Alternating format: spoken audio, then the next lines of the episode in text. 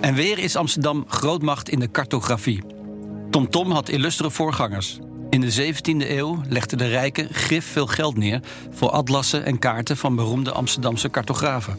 Een nieuwe gouden eeuw lijkt aangebroken. U hoort de schrijver van het verhaal, Sandra Olstorn.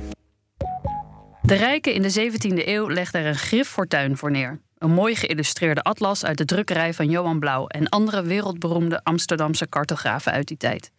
Het waren beleggingsobjecten, pareltjes voor op de koffietafel of boeken om bij weg te dromen over verre landen en steden die de meeste 17e eeuwers, ook de rijken, nooit te zien zouden krijgen. Op een tentoonstelling in het Koninklijk Paleis op de Dam zijn de mooiste en meest imposante kaarten en atlassen verzameld uit de Gouden Eeuw van de Amsterdamse cartografie. Te zien zijn rijk geïllustreerde kaarten, voorzien van gedetailleerde stadswapens en afbeeldingen van mensen, mythische figuren en dieren, afgedrukt in zwart-wit en handmatig voorzien van prachtige kleuren. Het zijn natuurlijk de mooiste kaarten uit die tijd die bewaard zijn gebleven. De kaarten die mensen graag lieten zien, de prestigeobjecten, zegt Reiner Storm. Hij is conservator cartografie, geografie en reizen bij het Allard Pierson Bijzondere Collecties van de Universiteit van Amsterdam. Die afdeling beheert een van de meest uitgebreide collectie kaarten in de wereld en levert topstukken voor de tentoonstelling. Dit waren niet de kaarten die met de VOC-schepen mee de wereld overgingen, zegt hij. Die waren gedrukt op veel grauwer papier. Dat Amsterdam zo'n belangrijke rol speelde bij het in kaart brengen van de wereld kwam grotendeels voort uit de almacht van de Verenigde Oost-Indische Compagnie.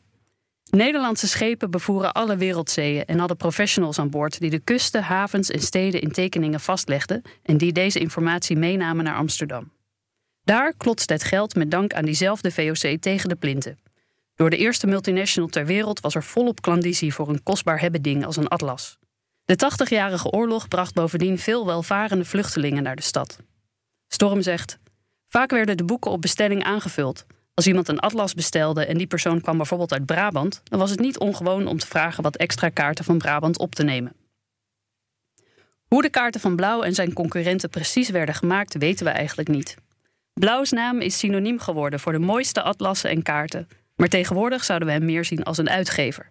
Voor zijn bedrijf, dat eerst aan het Damrak en later aan de Bloemgracht was gevestigd, werkten vermoedelijk vele tientallen mensen: cartografen, graveurs, kaartenkleurders, letterzetters, drukkers en vertalers. Wie de graveerstiften precies hanteerde, weten we niet, al de storm. In onze tijd zijn we gewend om individuele prestaties aan mensen toe te schrijven, maar in de 17e eeuw was dat niet de gewoonte. Hij geeft als voorbeeld het beroep van inkleurder, de mensen die de kaarten van hun bijzondere kleuren voorzagen. Dat inkleuren was een beroep op zich. In Amsterdam moeten er honderden mensen actief in zijn geweest, maar die zijn vrijwel allemaal in de anonimiteit opgelost. Slechts één naam is bekend: Dirk Jans van Zanten. Als er een nieuwe kaart met bijzondere kleuren opduikt, hoopt iedereen dat het een fazante is. Net als bij de vondst van een schilderij dat van Rembrandt zou kunnen zijn, zegt Storm. Maar dat is het dan natuurlijk nooit, dacht hij. Dankzij het Amsterdamse navigatiebedrijf TomTom is de hoofdstad ook in onze tijd weer een grootmacht in de cartografie. Het bedrijf bracht met zijn tomtommetjes de digitale navigatie in de auto naar de massa en veroverde daarmee de wereld. Nu werkt TomTom aan een zogeheten high-definition kaart. Een kaart die met behulp van sensoren en lasers live wordt opgebouwd en die zelfrijdende auto's de weg gaat wijzen. Alain de Taille, bestuurder bij TomTom, was misschien wel de eerste persoon ter wereld die kaarten met een computer digitaliseerde met zijn in de jaren 80 van de vorige eeuw opgerichte bedrijf INM, dat later werd overgenomen door het Nederlandse Teleatlas, dat in 2008 weer werd opgeslokt door TomTom. De taaie bouwde kaarten voor krantenuitgevers. Die wilden natuurlijk de krant zo laat mogelijk drukken en zo vroeg mogelijk bij de lezer hebben, vertelt hij. Onze kaarten moesten helpen om de routes van de vrachtwagens naar de distributiepunten zo efficiënt mogelijk te plannen. Al eind jaren 80 had Teleatlas auto's door Nederland rijden die met wielsensoren en camera's informatie verzamelden voor de digitale kaart. De taille zegt: Mensen denken altijd dat Google de Street View heeft uitgevonden, maar wij hadden 30 jaar geleden al 30% van Nederland op die manier in kaart gebracht. Dat ging niet met de compacte autootjes die nu door de straten rijden, maar met flinke busjes. Er zat meer dan 1000 kilo elektronica in, zegt de taille.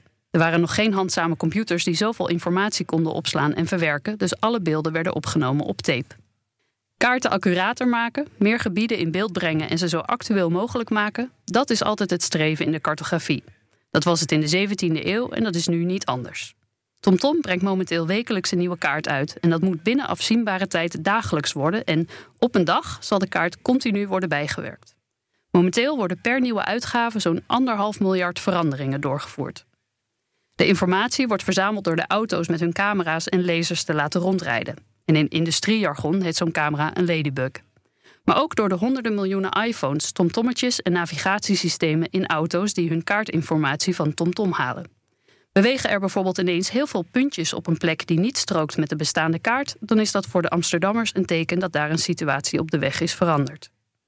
Al die gebruikers van TomTom-kaarten leveren zoveel informatie aan dat het bedrijf daarmee alle straten en wegen in Nederland in één dag 256 keer in kaart kan brengen. De kaart van Amsterdam is in 20 minuten op te bouwen door de reizende iPhone-gebruikers en autorijders. In 2020 komen de eerste auto's op de markt die zijn voorzien van een high-definition kaart van TomTom. Een kaart die met behulp van in de auto verzamelde data wordt gebouwd en waarmee de auto zelfstandig kan rijden. De kaart lijkt in niets meer op de werken van Blauw en ook voor de moderne mens is het al moeilijk zich ermee te oriënteren. De kaart bestaat uit strepen, de rijweg, tussen felgekleurde puntjes en blokjes, waar met enige goede wil gebouwen, lantaarnpalen en verkeersborden uit te destilleren zijn. Deze kaart is niet meer gebouwd voor mensen, maar voor een machine, verklaart Willem Strijbels, de abstracte vormgeving van de kaart. Strijbels staat bij TomTom aan het hoofd van de divisie Autonomous Driving, waar aan de kaart voor zelfrijdende auto's wordt gebouwd. De informatie die de lasersystemen en andere sensoren verzamelen zijn veel gedetailleerder dan je ziet. Maar er wordt een soort abstract stripverhaal gemaakt om een balans te vinden tussen wat de auto aan data kan verwerken en wat nodig is om veilig te rijden. Strijbos verwacht zelfs dat de kaarten uiteindelijk helemaal uit het zicht van de gebruiker gaan verdwijnen. Auto's zullen waarschijnlijk nog een hele tijd een kaart blijven weergeven, maar vooral ter geruststelling van de mensen achter het stuur. Maar op een dag is dat echt niet meer nodig.